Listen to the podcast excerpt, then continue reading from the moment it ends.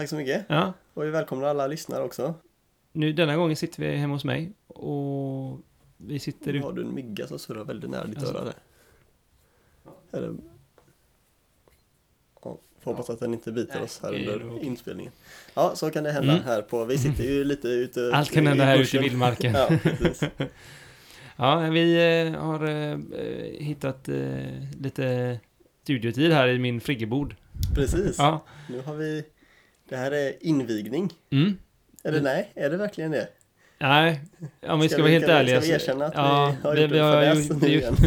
vi har precis eh, gjort ett försök med att spela in det, detta avsnittet, men det sket sig totalt här. Det kan man säga. Ja, det är lite tekniskt strul som innebar att vi fick eh, slut på minneskort. Precis, vi, vi ansåg att när man resetar en mick så borde det ren- rensas minneskort också, men det tyckte inte vår Nej. mick. Men eh, det gör ju bara att vi är ännu mer skärpta. Ja, nu är, vi, nu är vi oerhört förberedda här Ja. och manuset är på topp. Så ska man inte säga innan man kör. Nej, Men, eh, men eh, lite ordning och reda har vi nog kanske. det tror jag. Och eh, vi eh, passar in här mitt mellan eh, ja, jobb och från båda sidor jobb och plugg och eh, Ja. bebis och Ja, det är mycket, mycket nu. Mm. Man tror ju det i juni, borde, man borde varva ner lite så här på sommaren, men det. Man växlar upp snarare kanske. Ja, det ja. kanske är så för många att man växlar upp innan semestern. Det brukar Ja. ju vara en sån här typisk grej att eh, men eh, jag har ingen semester att växla upp Inte för jag heller. Så jag håller inte det argumentet riktigt. Nej. Man kanske bara är lite allmänt stressad innan alla andras semester. Ja, Så kan det vara. så har vi, har vi ens, ja vi har pratat om, det gjorde vi förra podden kanske, att du har fått barn och allt. Det gjorde vi Mm, ja, det har vi, vi, förrförra har, vi har nämnt det flera gånger. Ja, just det. Men det är värt att nämnas igen. Ja, det är värt Hon är en fantastisk liten, liten filur. Ja, Ja. Hon växer och knakar och...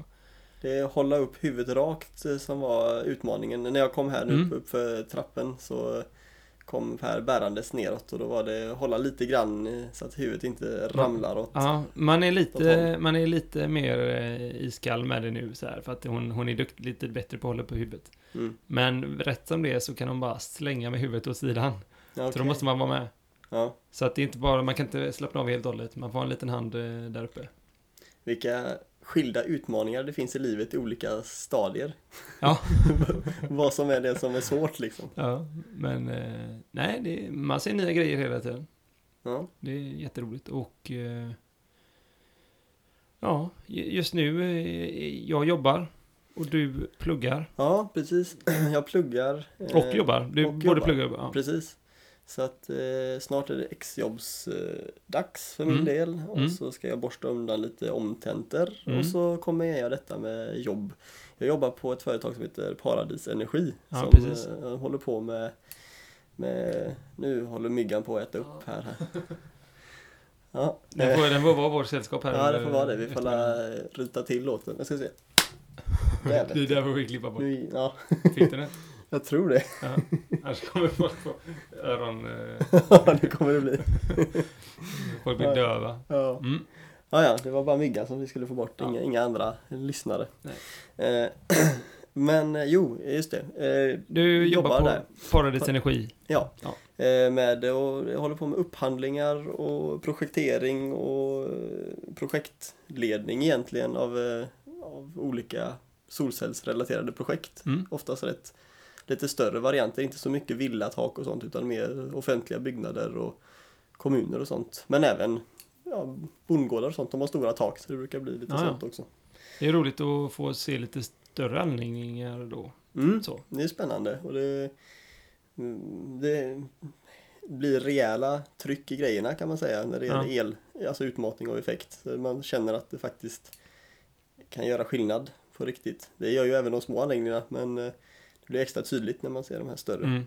Det blir lite uppmärksamhet kring dem också. Ja, precis det också. Så att, eh, men eh, ja, nej, det är väldigt spännande faktiskt. Mm. Det, har haft lite tur och fått flinka in på ett hörn där i det här företaget och lära mig så mycket som möjligt av det praktiska. Nu har man suttit i sina böcker i snart fem år och bara tittat på hur det borde se ut på papper liksom. Men eh, i verkligheten så är det helt andra saker som avgör var solcellsanläggningen ska sitta och hur bra den producerar och vad man ska tänka på kring det i verkligheten. Det är väldigt spännande. Mm. Ja, roligt. Ja, så att det... Och lite annat smått och gott håller vi på med också där. Men eh, nu ska vi inte prata mer om det. Nej, Eh, utan eh, ska vi... Eh, vi kan summera Mm. lite vad hände förra avsnittet egentligen. ja, Vi hade, vi hade, väldigt bra avsnitt. Ja. Eller tycker jag. Ja. Så kan man inte säga när vi gör det själva. Men, Nej, men det var eh, inte bara vi. Nej, det är precis. Nej. Vi, vi kan berömma Den som Lise höjde, höjde som det hela var ju Lise Nordin. Ja, Jag tyckte det var, det var väldigt roligt att prata med henne. Hon, eh, hon, vi var ju fruktansvärt nervösa inför den intervjun. Ja, det var vi faktiskt. Ja, vi vankade runt i din lägenhet som två, jag vet inte vad alltså. Nej, det var nervositeten. Det var nästan, vi sa nästan inget till varandra för vi ville Nej. inte göra den andra mer nervös än vad vi redan var. Jag vet inte var, alltså så här, det är klart att det kändes lite viktigt sådär och så Ja. första riktiga, alltså vi har inte haft någon intervju som vi hållit tillsammans och så kändes det som en person som var rätt så viktig att eh, prata på ett vettigt sätt med. Ja, och så kändes det lite, eh, man, man var lite avväpnad av att vi var hemma hos dig. Ja, Eller att det var, det, det kändes som att det borde ju vara mer avslappnat. Men samtidigt så känns det mer press. precis. Att, att det är vi som bjuder in henne. precis. Hade vi kommit till hennes, eh, säg typ kontor eller vad man ska säga, så hade det nog känts mer som att Ja, men då kommer vi in, sätter oss och så gör vi intervjun och så, så här. Det känns lite mer, mer professionellt på något sätt. Men när vi bjuder in henne på fika, då, då känns det som mycket mer press. Ja, definitivt. Men eh, sen hon kom så det var jätteavslappnat tycker jag. Ja, jag tycker också det. Det gick väldigt eh, smidigt på Ja. alla sätt och vis. Eh, väldigt trevlig hon. Ja. Och eh, fruktansvärt kunnig, måste jag säga. Det, Mm. de, de här politikerna alltså, de har, de har ofta svar på det mesta. Ja, det är ju så. De har, det, Det är, jag tycker det är imponerande på något sätt att de... Jo men de, eh, de kan liksom... de är bra på att prata också. Ja, bra på att eh, prata. de kan och mycket oftast också siffror. Saker och ting. Ja, Alltså, det, för, för vår del så är ju siffror bra i det här sammanhanget för att vi kan relatera till dem rätt så lätt så. mm. För lyssnarna kanske inte är riktigt li, lika lätt när hon börjar babbla terawatt och allt det här. Nej. Men, men eh, jag tycker fortfarande att det är imponerande att man kommer ihåg hur stor överskotts eh, en eh, el vi har. Eller eh, att man kommer ihåg att de inte blandar ihop siffrorna liksom. Mm, att, ja, precis. Mm. Ja, det är rätt viktigt att kunna slänga sig med siffror. Är, eh, alltså, det ger, inger ett visst förtroende så att det är Ja. nog en genomarbetad strategi. Sen är det ju väldigt svårt att kolla siffrorna i, Ja, i, stridens hetta där. Mm. Ja, det är sant. Det är sant. Men, eh, men, eh, nej, men jag tyckte det var väldigt roligt och det verkar som att hon tyckte det var trevligt också. Ja, det tycker, tror vi. Mm. Hoppas vi. Ja, och jag träffade henne sen på stan några veckor senare. Jaha, ja, ja. En, Två veckor senare tror jag. Okej. Och eh, då stod ju hon, det var precis innan eh, i sluttampen där, det var nog bara några dagar innan valet tror jag. Och eh, då på små snackade vi lite och så frågade hon om inte Ska inte du engagera dig då? Du tyck, verkar tycka det här var roligt med politik och så. Jag bara, jo, kanske det. Och, så hon fick mig faktiskt att eh, gå över till, nu är jag medlem i Miljöpartiet. På det viset. Ja, Ja, så det var trevligt. roligt. Ja, eh, jag eh, tyckte att, eh, nej men det kändes som jag vill engagera mig lite. Och jag tyckte det var ett bra, en bra ingång, tror jag, genom Mm. podden. Genom energipolitiken på något sätt engagera mig. Mm. För eh, när man, det låter lite klyschigt, men när man får barn så får man lite eh, andra perspektiv på saker. Att man så vill, eh, man börjar helt plötsligt fundera på vilken värld det är vi lever i. Mm, Vilken mm. värld är det jag har... Som kommer att finnas kvar. Ja, och vilken värld är det jag har tagit in det här barnet i liksom. Mm. Och då vill man, jag vet inte. Nu säger jag man, men det är mer jag då kanske. Mm. Här, alla känner kanske inte så. Men det är lite... eh, Det man känner lite ansvar, tror jag. Och det, Mm. jag tycker det ska bli roligt att och få gräva ner lite djupare i saker och ting. Mm. Annars är det väldigt lätt att ligga på ytan och guppa och känna att ja, men jag har lite koll på, på kärnkraft. Jag har lite koll på, på eh, subventioner. Jag har lite koll på det här. Men det, det ska bli skönt att kunna ta tag i det och se liksom vart ligger partierna. Mm. Och framförallt då kanske vart ligger Miljöpartiet. Mm. Det är de som lockar mest. Sen hade jag inte varit omöjlig att... Jag hade nog inte varit omöjlig att rösta på ett annat parti. Men jag hade inte velat gå med i något annat parti. Nej, Eh, det är inget annat. Det är liksom just att gå med är ju lite en annan sak än att Mm. rösta på dem. Ja, Ja, precis. För att man kan ju få, eller jag vet inte, men det är klart man kan ju rösta på ett annat parti även om man är medlem i ett parti. Ja, det beror ju helt och hållet på situationen i, eh, runt valdagarna. Mm. Men eh, som jag känner nu så finns det inget annat parti som tilltalar mig på något sätt egentligen. Det är några frågor som jag kan tycka kanske jag lutar mer åt vänster då. Men nej, jag tycker det, det känns väldigt bra faktiskt. Mm. Mm. Jag har inte, än så länge har jag inte gjort någonting då. Jag har bara gått med. Så att eh, om det är någon eh, miljöpartist i Mölndals kommun som Ja, vill introducera mig så Ja. är de välkomna och, och höra av sig. Ja, På Twitter eller på, via mail eller Ja. via hemsidan. eh, Facebook, vad som Mm. helst. ett litet utrop kan man säga till Ja. närområdet. Ja, miljö, eh, miljöpartister i eh, Mölndals kommun får gärna höra av sig. Kan ni gadda ihop er? Ja. Ja, Lägga upp en liten taktik inför höstens val. ja. Då är vi lite mindre opartiska Ja, vår podd det, här. det är ju där vi, skon klämde lite från början tyckte jag. Att fasen då, då, då, då blir, blir vi inte, får vi inte den där, eller vi, vi har diskuterat lite internt att vi ska försöka hålla så opartiska som möjligt Ja. för att vara så öppna som möjligt och kunna prata med vem som helst på bästa sätt. Men samtidigt så, Man kan ju inte heller, alltså våra liv eh, formas ju så som de gör så att säga. Ja. Och vi är ju de som poddar så att det vore ju konstigt om inte podden eh, fick följa med i det Nej. svepet också. precis, och jag tror att det kan bli bättre. För att det, jag tror att det gör att jag blir mer påläst på vissa saker som jag kanske inte hade brytt mig om att läsa på annars. Nej. Och det känns som att eh, temat för podden, eh, alltså solenergi och miljö och allting där, alltså det är ju något slags, eh, alltså att bli mer kunnig inom miljöfrågorna är ju inte en nackdel för Nej. vår podd om man säger Jag så. tror att om man, om man vurmar lite för miljö och energi och så, så är det svårt att inte lockas av Miljöpartiet. Ja. Just för att de vill ligga i bräschen där. Mm. Sen tror jag att, att eh, man kan gå för snabbt fram, men just idag känner jag att det vi ligger... Jag tycker det känns som att vi ligger lite för efter för att gå för snabbt fram. Mm. Jag tycker att vi, eh, vi, vi kan eh, unna oss mer förnyelsebar energi och eh, utan att det ska påverka oss negativt på något Mm. sätt.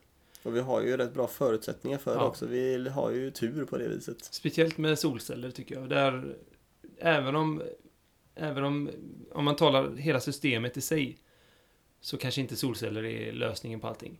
Men för den enskilde husägaren så det finns det väldigt stort intresse för eh, solcellsinstallationer på villatak och sånt.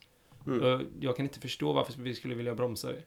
Nej, precis. Och det är ju det är ju inte bara en fråga om, alltså, om man ska tänka, det är inte bara en fråga om energisystemet och huruvida det ena eller andra är bra eller bättre så att säga. Det var lite som Lise snackade om att det är ju lite eh, att gemene man ska kunna styra över sin egen, alltså styra mer själv helt enkelt. Alltså om jag vill ha el från mina solceller så är det någonting som jag ska kunna göra. Idag så är man ju ganska mycket i greppet på de här stora energibolagen och det är ju en, det är en fråga som ligger på det planet snarare än vilket energisystem är absolut bäst. Alltså så här, visst, det är liksom sol, solceller och solenergi är ju mer intermittent, alltså det är mer alltså, eh, varierande effektinmatning till nätet men de nackdelarna som det innebär får ju helt enkelt eh, man fixa till. Det finns ju ingenjörer. Och sen, sen tror jag faktiskt också att eh, det som kan locka den eh, mer, den, den mer kapitalistiska sidan av eh, den politiska skalan är ju faktiskt att man kan tjäna, det finns ju pengar att tjäna. Absolut. Alltså både, både att det skapas jobb och det skapas företag som behöver sätta montera solceller och som behöver eh, rodda allt det här. Så finns ju även pengar att tjäna för den enskilde villaägaren. Mm. Om man kan tjäna pengar på sin elproduktion istället för att förlora pengar på elförbrukning så förstår, inte, förstår jag inte varför det skulle vara något negativt ur en, eh, ja, men, ja, ur en kapitalistisk syn. Så att Nej, säga. precis. Och på tal om det här med att skapa jobb. Jag läste just på alla som är i solcellsvärlden känner nog till eh, Bengts villablogg kan jag Ja, tänka ja. mig.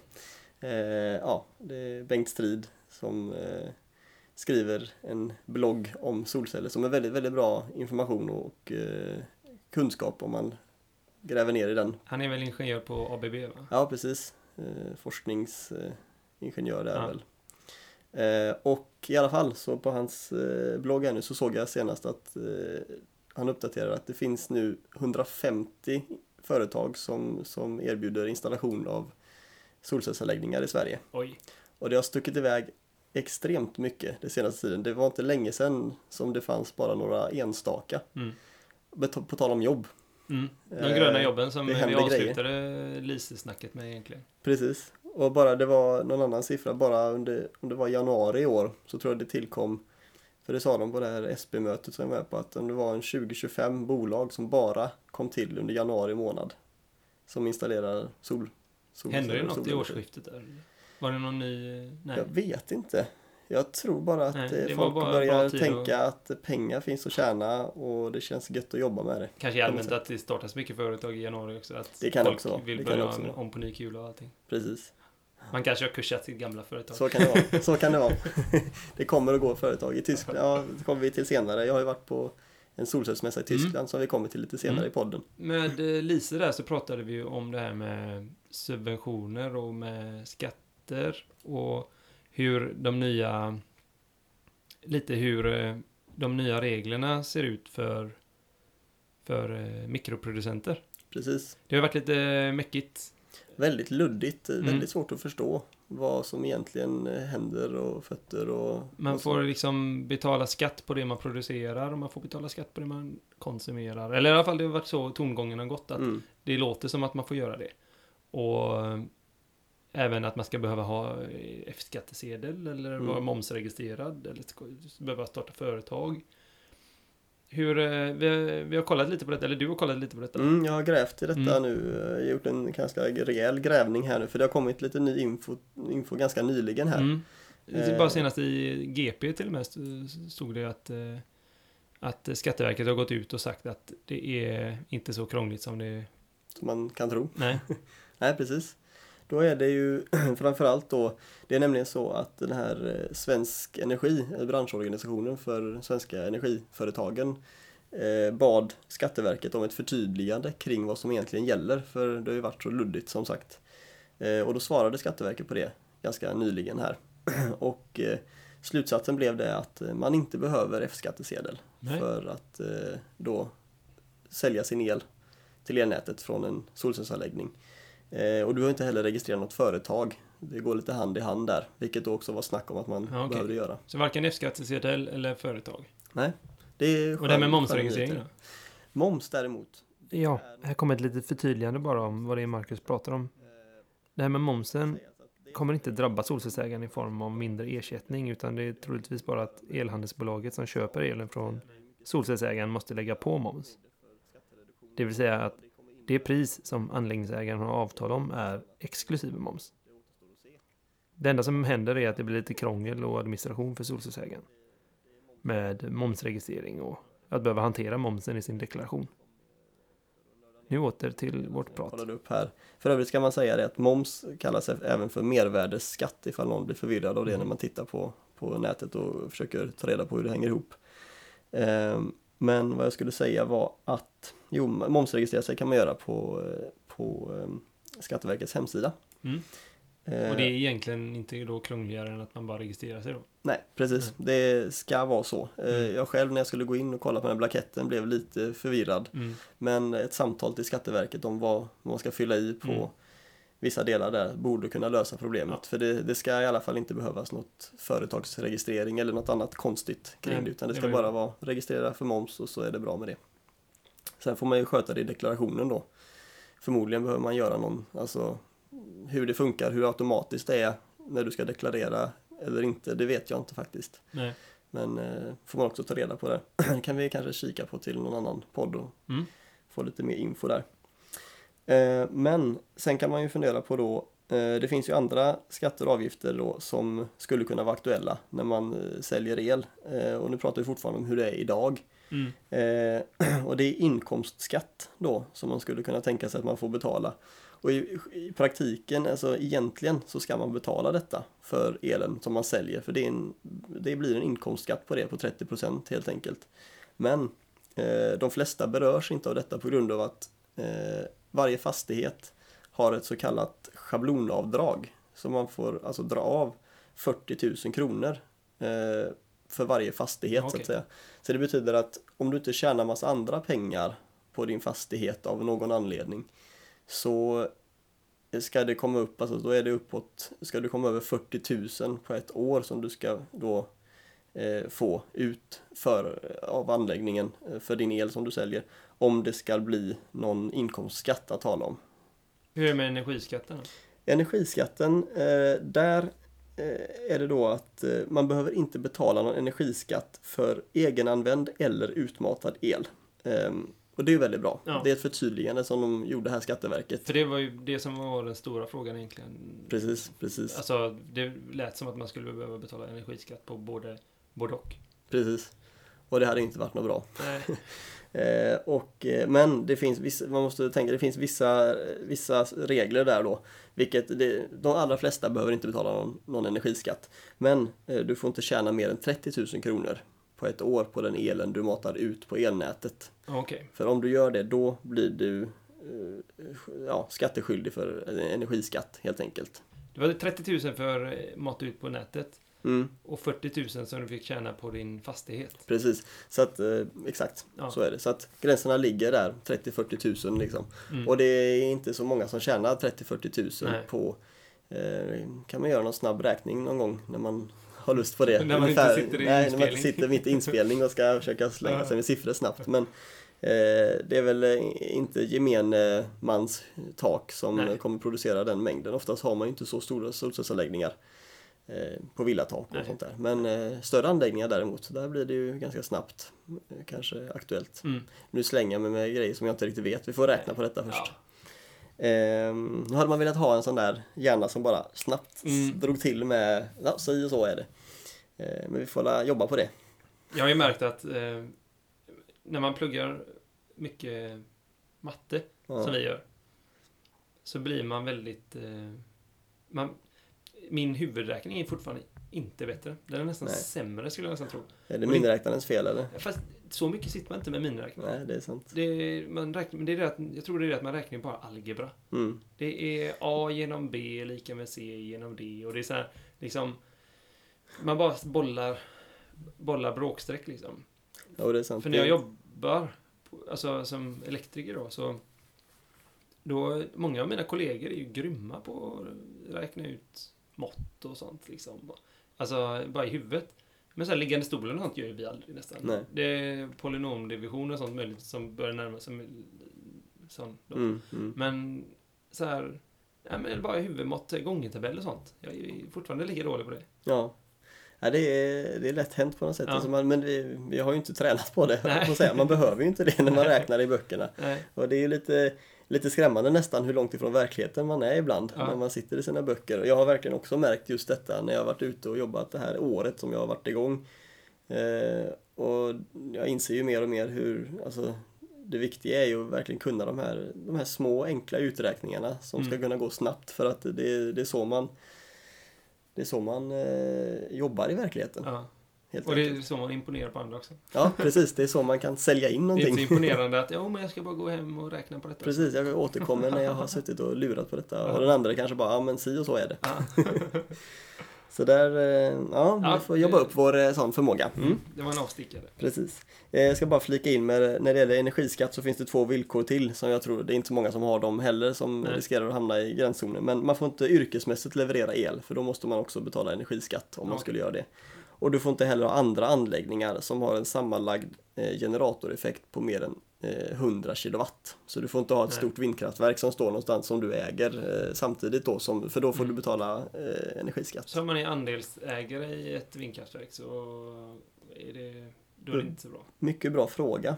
Där har vi nog eh, lagtexterna man får studera huruvida det, För det är ju inte när omöjligt. du är andelsägare och hur mycket det betyder att du, ja du äger ju du en del av det men ja det borde väl Ja. vara så kanske. Man kanske inte får för många andelar då. ska vi inte hitta alla gränsfallar. Men eh, jag tror det är inte jätteovanligt tror jag att om man är bönder och sånt kan nog vara andelsägare i vindkraftverk eh, och även ha solceller på taket. Mm, precis. Vem som helst kan vara andelsägare men jag menar att det är inte så ovanligt tror jag inte. Nej, det är sant.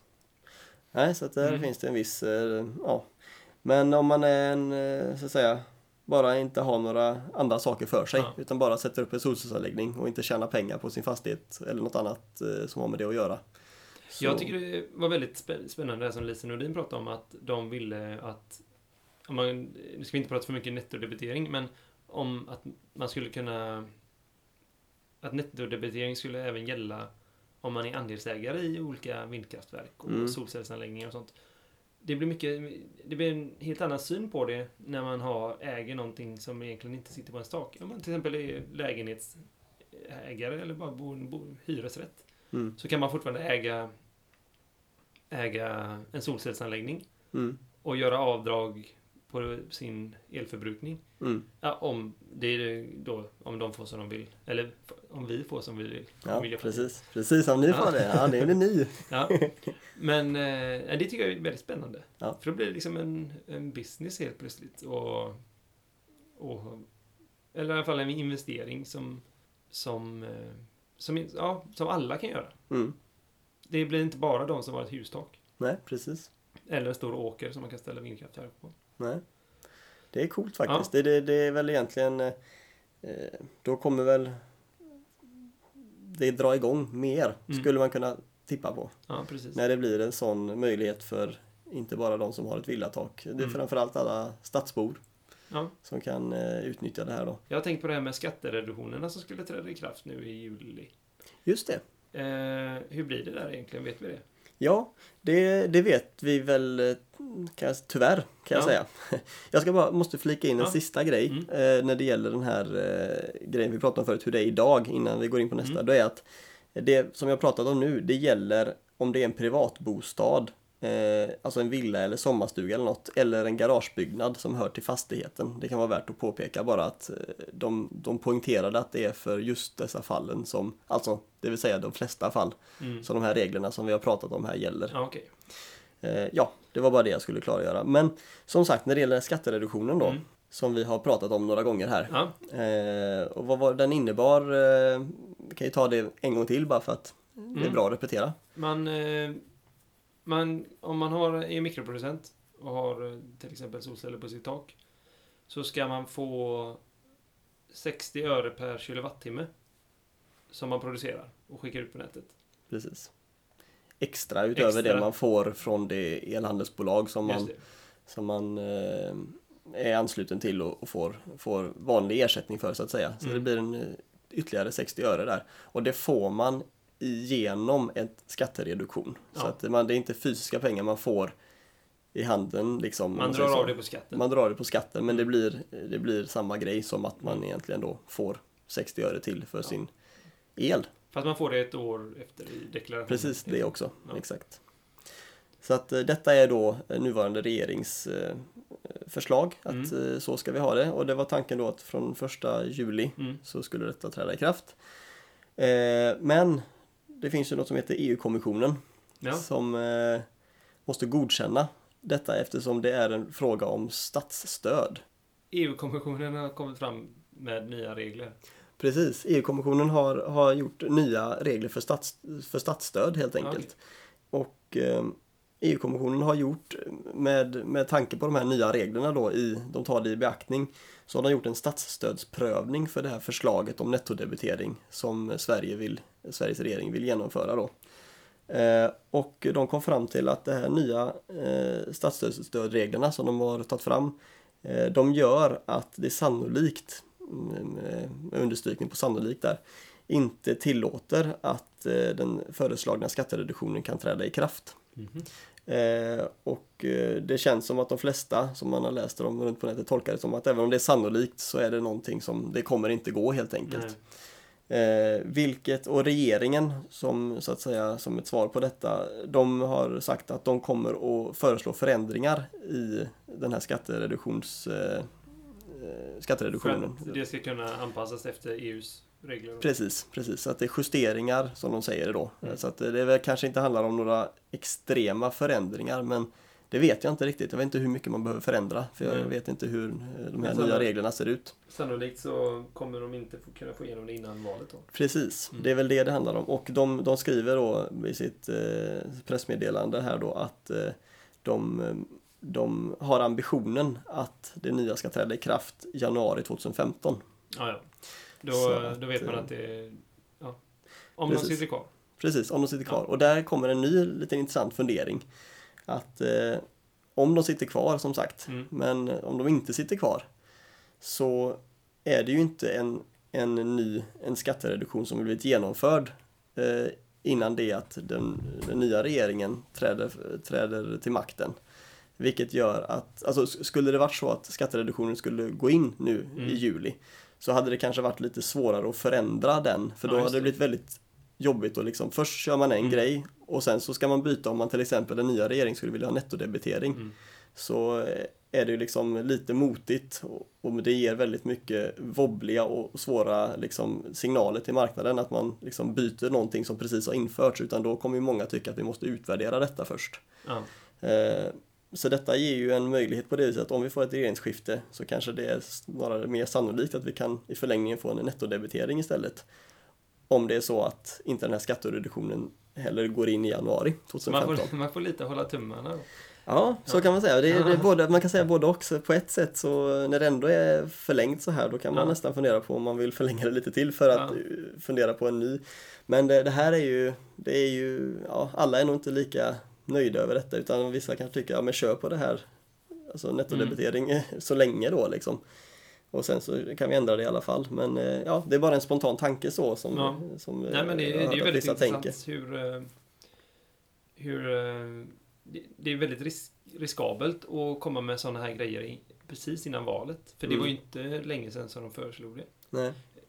Det blir ju ytterligare en grej som man kan lägga på högen att de har sagt att de ska göra som de inte har gjort. Mm, Även om det inte är deras fel, självklart. nej, Så blir det fortfarande en, ytterligare en sak som man kan peka på. precis.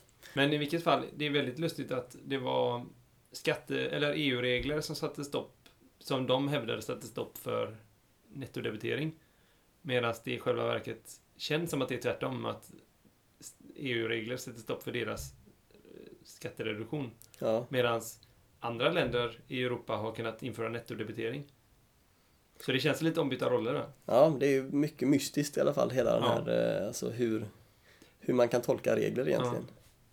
I vilket fall så hoppas vi på en effektiv, eh, nå- något effektivt system för mikroproducenter att kunna tjäna lite pengar. Eller i alla fall inte förlora pengar på sin produktion. Precis. Du har varit på en mässa i Tyskland. Det stämmer. Mm, vad heter den? Den hette Intersolar. Ja. Eh, det är en eh, stor solcellsmässa helt Ja. enkelt som, eh, som ja, den hålls lite runt om i världen. Men även i Tyskland då. Mm.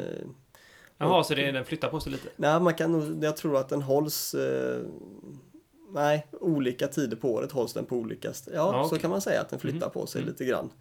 Ja, jo men det stämmer. Ja, Eh, så att, ja, den var jag i alla fall på. jag Eh, förstår att det var en väldigt stor mässa. Det var en mycket stor mässa. Om man jämför med de mässorna som brukar vara i Göteborg så. Ja, precis. Jag har ju inte någon stor, någon stor erfarenhet av Nej. mäss, eh, traska runt på mässor, i, förutom att vi har vår så kallade Svenska Mässan här i Göteborg Ja. då. Ehm, utan, men den här mässan var något större, så Ja. kan man uttrycka det. Det var, det var sex stycken mässhallar. Eh, varav, eh, ja, jag kan inte slänga mig med siffror här igen, men de var stora och de Mm. var betydligt större än vad Svenska Mässan var i alla fall, Ja. om vi lägger ihop detta. Det Ja. var väldigt, väldigt mycket att titta på och man blev nästan trött i huvudet över att gå runt där efter två dagar gick jag runt och Ja. kikade. Jag var där då med det företaget som jag arbetar på, Ja. på Paradis Energi. Eh, och, Du fick eh, prova, jag hörde att du fick prova elcykel. Jajamän, Ja. det var lite av en höjdpunkt Ja, skulle jag väl säga. Och det trodde jag inte att det Nej. skulle vara. För jag eh, i allmänhet har varit ganska skeptisk mot elcyklar och det kan man kanske inte tro med tanke på att eh, solenergi och el och förnybart och så. Men det är väl, jag har varit skeptisk på det viset att det känns som att ska man ändå cykla så kan man väl fasen trampa också. alltså ordentligt. jag har tänkt, den tanken har slått mig också. Att det känns ju som att... Ja.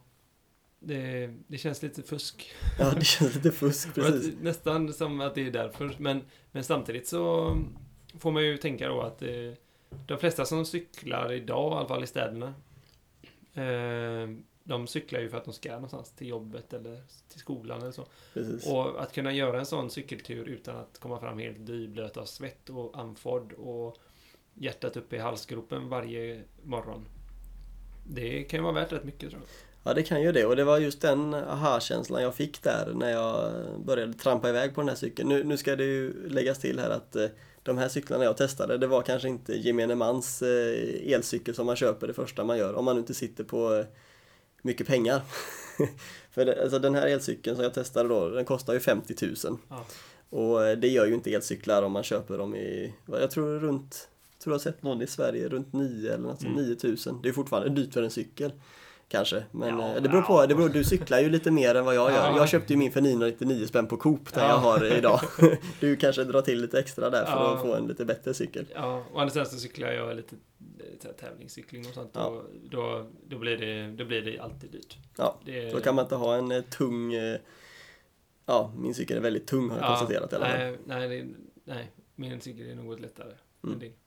Mm. Men, men jag tillhör den skaran som cyklar, just nu i alla fall, till jobbet. Men jag har ju, om man ska säga så, inom citationstecken, turen att jag, det gör ingenting om jag är svettig när jag kommer fram. För att jag jobbar på ett bygge. Och då alla blir svettiga under dagen. Mm. Så att, Det är ingen som märker av att Nej. du går och luktar lite svett liksom. Nej. Och eh, det, det är en väldigt, ja, det är väldigt uppfriskande med cykeltur på morgonen. Även om härifrån så blir det ju väldigt bökigt för att det blir ju landsvägscykling nästan hela vägen från Lindome in till, just nu jobbar jag i Mölndal. Mm. Så att det är ju, Är du med bökigt att det är jobbigt att cykla på en väg med bilar? ja, Mm. man brottas lite och så blir man alltid den jäkla cyklisten också som i vägen. Ja, den som man stör sig på. Att Ja. fasen kan du inte köra lite till Alla höger? andra, alla andra på jobbet klagar på de här jäkla cyklisterna och så sitter man själv med cykelhjälmen i skåpet liksom. du flashar inte med den då kanske? Nej, det är, det är allmänt känt att jag cyklar till det är allmänt känt bara ja. Så Ja, de, så ja. att, eh, men... Eh, inte lätt. Nej. Men eh, i vilket fall. Eh, Ja. Du fick prova elcykel. Ja, precis. Och den, den här elcykeln då, för 50 000 spänn så får man en elcykel som går i 45 km i timmen genom att bara man petar på trampan. Så kan man säga. Och där kan jag också referera till att jag får trampa rätt mycket för att komma upp i 45 km i timmen. Ja, det kan jag tänka mig. Ja. För jädrar vad det gick. Ja. Och, men eh, du sa att de hade, den, den hade inget sånt batteripack som de brukar ha heller. Nej, de hade tänkt till på detta. Det här företaget gjorde ju bara då elcyklar och även elmotorcykel som jag kan berätta om också. Ehm, jädrigt cool för Mm. övrigt. Ehm, men eh, de har alltså batteriet på elcykeln, den, det har de stängt in i ramen. Så att ramen är lite tjockare än andra ramar då. Men det såg inte konstigt ut på något Nej. sätt. Och så eh, har de batteri, framförallt är det bra då i stöldsynpunkt liksom. Att det är verkligen inom lås och bom på något Mm. sätt. Eh, och eh, ja, men jag trampade iväg där och testade fram och tillbaks och eh, det började faktiskt regna precis när jag skulle eh, åka iväg så det, bara på de få sekunderna som jag åkte iväg så började det bli lite halt för det var asfalt. Och 45 km i timmen med en cykel som man inte känner till och ska man bromsa. Det blev nästan så att det sladdade till lite. Ja. Men jag hade hjälm ja, kan jag intyga. Eh, Men eh, jag vet inte om det hade hjälpt om jag hade ramlat i den farten, men eh, lite kanske. Ja, men det gick bra i alla fall. Ja. Men vad jag, den aha-upplevelsen jag fick var egentligen att om man kan göra elcyklar på det här viset så kanske inte ens behöver vara så här mycket tryck i grejerna. Det kan vara en helt vanlig elcykel som Mm. man köper för 900, eh, 9000 spänn på någonstans i Sverige. Så är det ju oerhört smart, precis som du säger, att man kan komma från punkt A till punkt B. Det blir en ersättning till, ett, till en bil, alltså på ett annat sätt. Mm. En cykel har jag tidigare sett som att det är en bra och nyttig grej att göra. Men alltså som nu när man ska cykla, där jag, där jag bor nu och så upp till Chalmers, där skolan, den ligger uppe på en höjd. Mm. Och komma fram där och vara svettig och ha sig liksom, det är inget roligt på, på, på föreläsningen att sitta där och vara varm och fundera på det halva föreläsningen liksom. Så att faktiskt elcykel i stan, kanske till och med framförallt i stad, en stad där det är lite backar och sånt. Ja. Då är det alltså guld värt och du seglar förbi bilarna i cykelfilen och du kan så här, eh, du behöver inte, den här landsvägsgrejen är ju inte problem i stan, alltså det som du pratar om att man känner sig i vägen utan det är snarare att bilarna är i vägen för mig när jag kommer med min cykel Mm. i stan liksom. Och har man då en elcykel så är det ju ännu mer enkelt att bara liksom segla förbi och Det känns- inte bli svettig. Det känns som att denna kategorin av cyklar är nästan att man ska vara ute i trafiken och cykla och inte på cykelbanorna. Ja, Om man blåser precis. fram i 45. Nej, det är lite, Ja. lite lurigt. Nej, det är Ja. sant. Då, då blir man nog hatad utav eh, alla. Ja, det är Om man sant. kommer på cykelbanan i 45 km h Ja, verkligen. är det ens lagligt? Jag vet inte. Men det är inte, det är inte omöjligt om man har en snabb cykel så och det är nedförsbacke. Göte, Göte älvbron i nedförsbacken där ner mot eh, Ja, där kan det gå undan. Ja, Farligt i kurvan sen om det ligger ja det, grus. det en Det är många som har eh, pratat om det på skolan, vet jag. Nära ramlat där. Ja, det är väl ett väldigt lokalt snack här. Det är inte Ja. så många som har koll på detta runt om i landet kanske. Undrar vart folk sitter och lyssnar egentligen. Ja, Vart, Skriv- vart sitter ni någonstans? gärna skriva lite på Twitter och vår Facebook och Ja, vår hemsida. Ja. Solcellspodden.se. precis. Mm.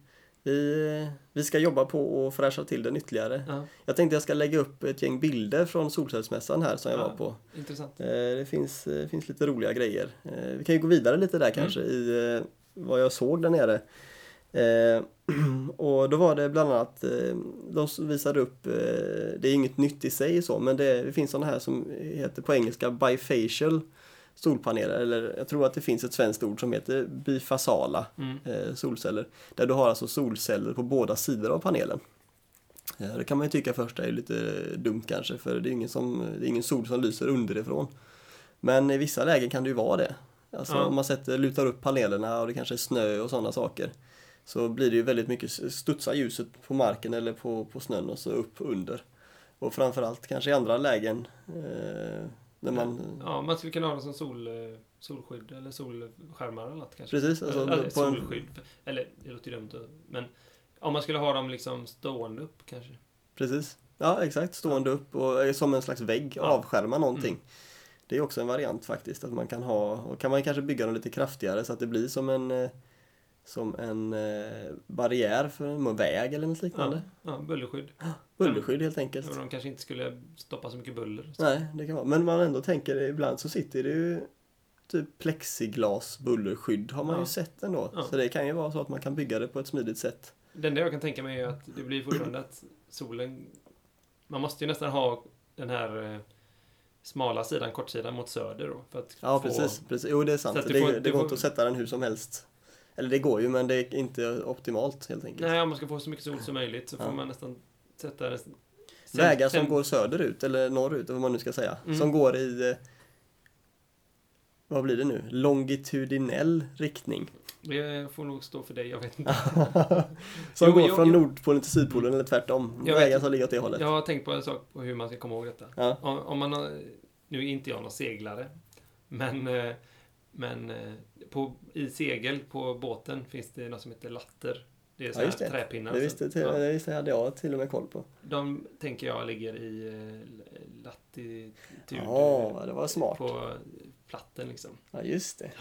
Så du kanske hade rätt med longitud då, att Ja, den ska det- ligga från mm. eh, norr till söder eller ja, motsvarande. Mm. Ja, så att det är någon som ska bygga en väg snart här och fundera på bullerskydd på något sätt i den riktningen. Så sätt bifasala solceller Ja. emellan. Vad Ja. såg du mer på mässan här då? ja, eh, det var då, det var mycket, det var mycket böjbara solceller. Mm. Alltså det är mycket sånt, tunnfilm är det ju mest då, de är ju mest böjbara. Det är ju inget nytt i sig heller, men det börjar ju bli, det var rätt mycket uppvisning av hur, hur extra böjbart det ena märket var jämfört Mm. med det andra och vi kan böja väldigt mycket hit och dit så. Tidigare så känns det som att det har varit, tunnfilm har varit att det kanske är praktiskt att de är böjbara, men de är inte lika effektiva.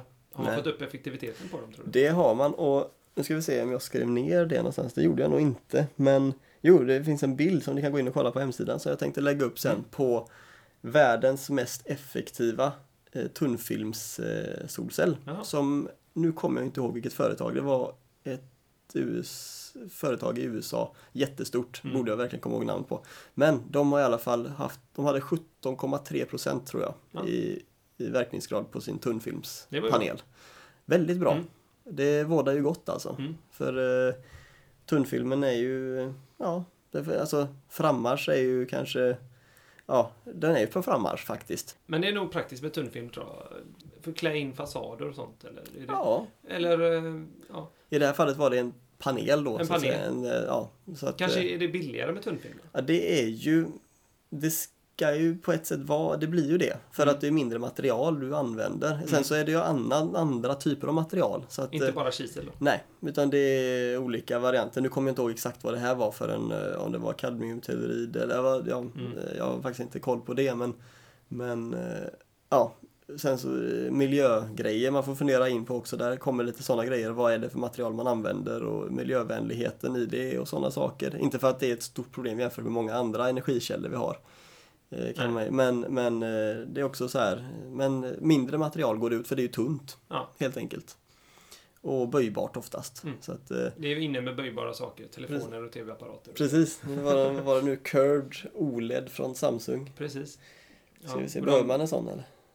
Jag vet inte. Och den där telefonen, eh, LG Flex, någonting heter den. Jaha, G2 Flex. är den eh, också böjd alltså? Den är böjd och välvd. Och den Ja. går att, du kan böja den lite, om du pressar den lite så kan du Ah. flexa den. Det enda jag kan tänka mig är bra, en enda, det kanske är alla ska ha sådana böjda sen av någon anledning, men, men om du har den i bakfickan och Ja. så här att den ska liksom, Mm. eh, det kanske... fö- följer Ja, rumpan. följer rumpan lite. så att, eh, ja, något sånt kanske. Ja. Eller att den i fickan, liksom allmänhet, var man nu än har den, så klarar den lite, lite böj. Ja, och jag tror att den, eh, ska, den följer kinden lite sådär. Jaha, det är också då, ja. Men eh, Följsam. det är ju det är ingen jättestor eh, radie på den. Så Nej. att det är inte så att den är... Det, det, är, det är ingen banan liksom. Nej, nej. Nej, och de, de försökte även här nere på Solcellsmässan fanns det paneler som var, som det heter, glas, alltså det var glas emellan solcellerna som man såg igenom. Där det inte var solcell Mm. så var det glas. Och då hade de en som de hade då böjt till. Den stod väldigt uppspänd med en vajer kan man säga, alltså, böjd i en viss Ja. eh, vinkel. Och då var det vanliga solceller i. Alltså Mhm. helt vanliga eh, Inte tunnfilm. Nej, precis. Helt vanliga, jag tror det var polykristallina solceller som de då hade utvecklat. Jag kommer inte ihåg heller vilket företag det var. Eh, men det spelar ingen större roll kanske. Jo, det kanske om någon är intresserad av att köpa såklart. Men, men eh, i alla fall så eh, hade de gjort en ny typ av legering på något sätt som gjorde att de här solcellerna inte tog skada eller på något sätt krackelerade för att du böjde upp till en viss gräns. Då hade de som garanti att du kunde böja hela den här eh, solpanelen. Mm. Så att, eh, det finns lite nytt där också, att bara man tänker till lite så och letar lite på marknaden. Men eh, ja, ja, det var det var mycket spännande grejer som du kunde se där i alla fall. Precis, det var mycket och vi kan... Eh, eh, Nästan så vi kan ta resten eh, Ja, nästa gång. det börjar närma sig eh, podcastavslutning Ja. här i det här avsnittet i alla fall. Det var mycket snack, eh, hade Ja. mycket att prata om här nu. Ja, det blir ju så när vi inte poddat på länge. Ja, precis.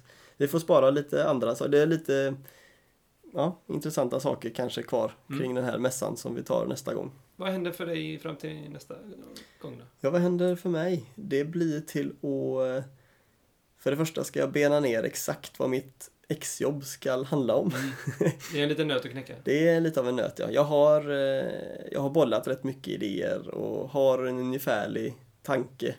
Och det handlar ju om solceller, kan ni Mm. ju kanske misstänka, ni som lyssnar. att eh, så blir det. Men eh, exakt vad och sånt, det kan jag återkomma med när jag har klurat Ja. klart. Jag borde väl ha klurat klart här om, eh, innan nästa avsnitt kanske. Och eh, annars så är det väl, eh, nej, jobb och Mm. lite så. Hur är det för dig då? Eh, ja, jag ska fortsätta jobba hela sommaren i stort sett. Men, och umgås med min dotter. Ja, Men eh, jag och din fru kanske? och min fru framförallt. Eller inte framförallt, men ja. Ja, din Umgås dotter. med familjen. Med familjen, Ja. ja. Och eh, så jag ska faktiskt på en, eh, eh, vad ska jag säga, energisol... Vad säger, någon sån här. Jaha, En, en dag uppe i Bohuslän. vad spännande. Ja, Ja, det får eh, bli nästa poddavsnitt. definitivt. Ja. Vad är detta för något? Ja, jag är inte riktigt säker på att det blir av än, så att, Nej. vi får nästan hålla på det. Ja, ja, det kanske vi inte Ja. ska prata för mycket innan det händer helt enkelt. Nej, men eh, det, jag har fått nys om en grej så jag, jag får mm. besöka. Spännande. Ja. Mm, mm, mm. Så att det är väl det. Mm. Mm. Då eh, säger vi väl så. Så eh, som sagt, eh, interagera gärna med oss. Ja, vi, har, vi är med överallt nu. Vi är med på Facebook, där heter vi Solcellspodden. Vi är med på Twitter, där heter vi Solcellspodden. Och eh, tro det eller ej, men vi är på solcellspodden.se också. Precis. Jag hade en tanke på om vi till och med skulle starta någon slags YouTube-kanal. Jag tänkte jag har lite filmer från den här solcellsmässan. Ja, Bland annat när de med en cykel hoppa runt på en tricksbana där de hoppar på solcellspaneler. Jag tror du får starta en kanal. Det får nog bli så. Ja. Kan, kan det möjligtvis heta någon slags eh, liknande Solcellspoddens eh, Youtube-kanal? Vi får väl se. Ja, Vi skriver om detta på våra andra ja, kanaler så att ni vet vilken Youtube-kanal ni ska ratta in. precis. Och så ska vi, vi utveckla hemsidan lite kanske. Ja, precis. Skriva lite mer utförligt om oss själva kanske i alla fall. Mm. Mm. Vad roligt. Fint. Tack för denna gången då. Tack för denna gången. Vi hörs eh, förhoppningsvis snart igen. Ja. Hej. Hej hej!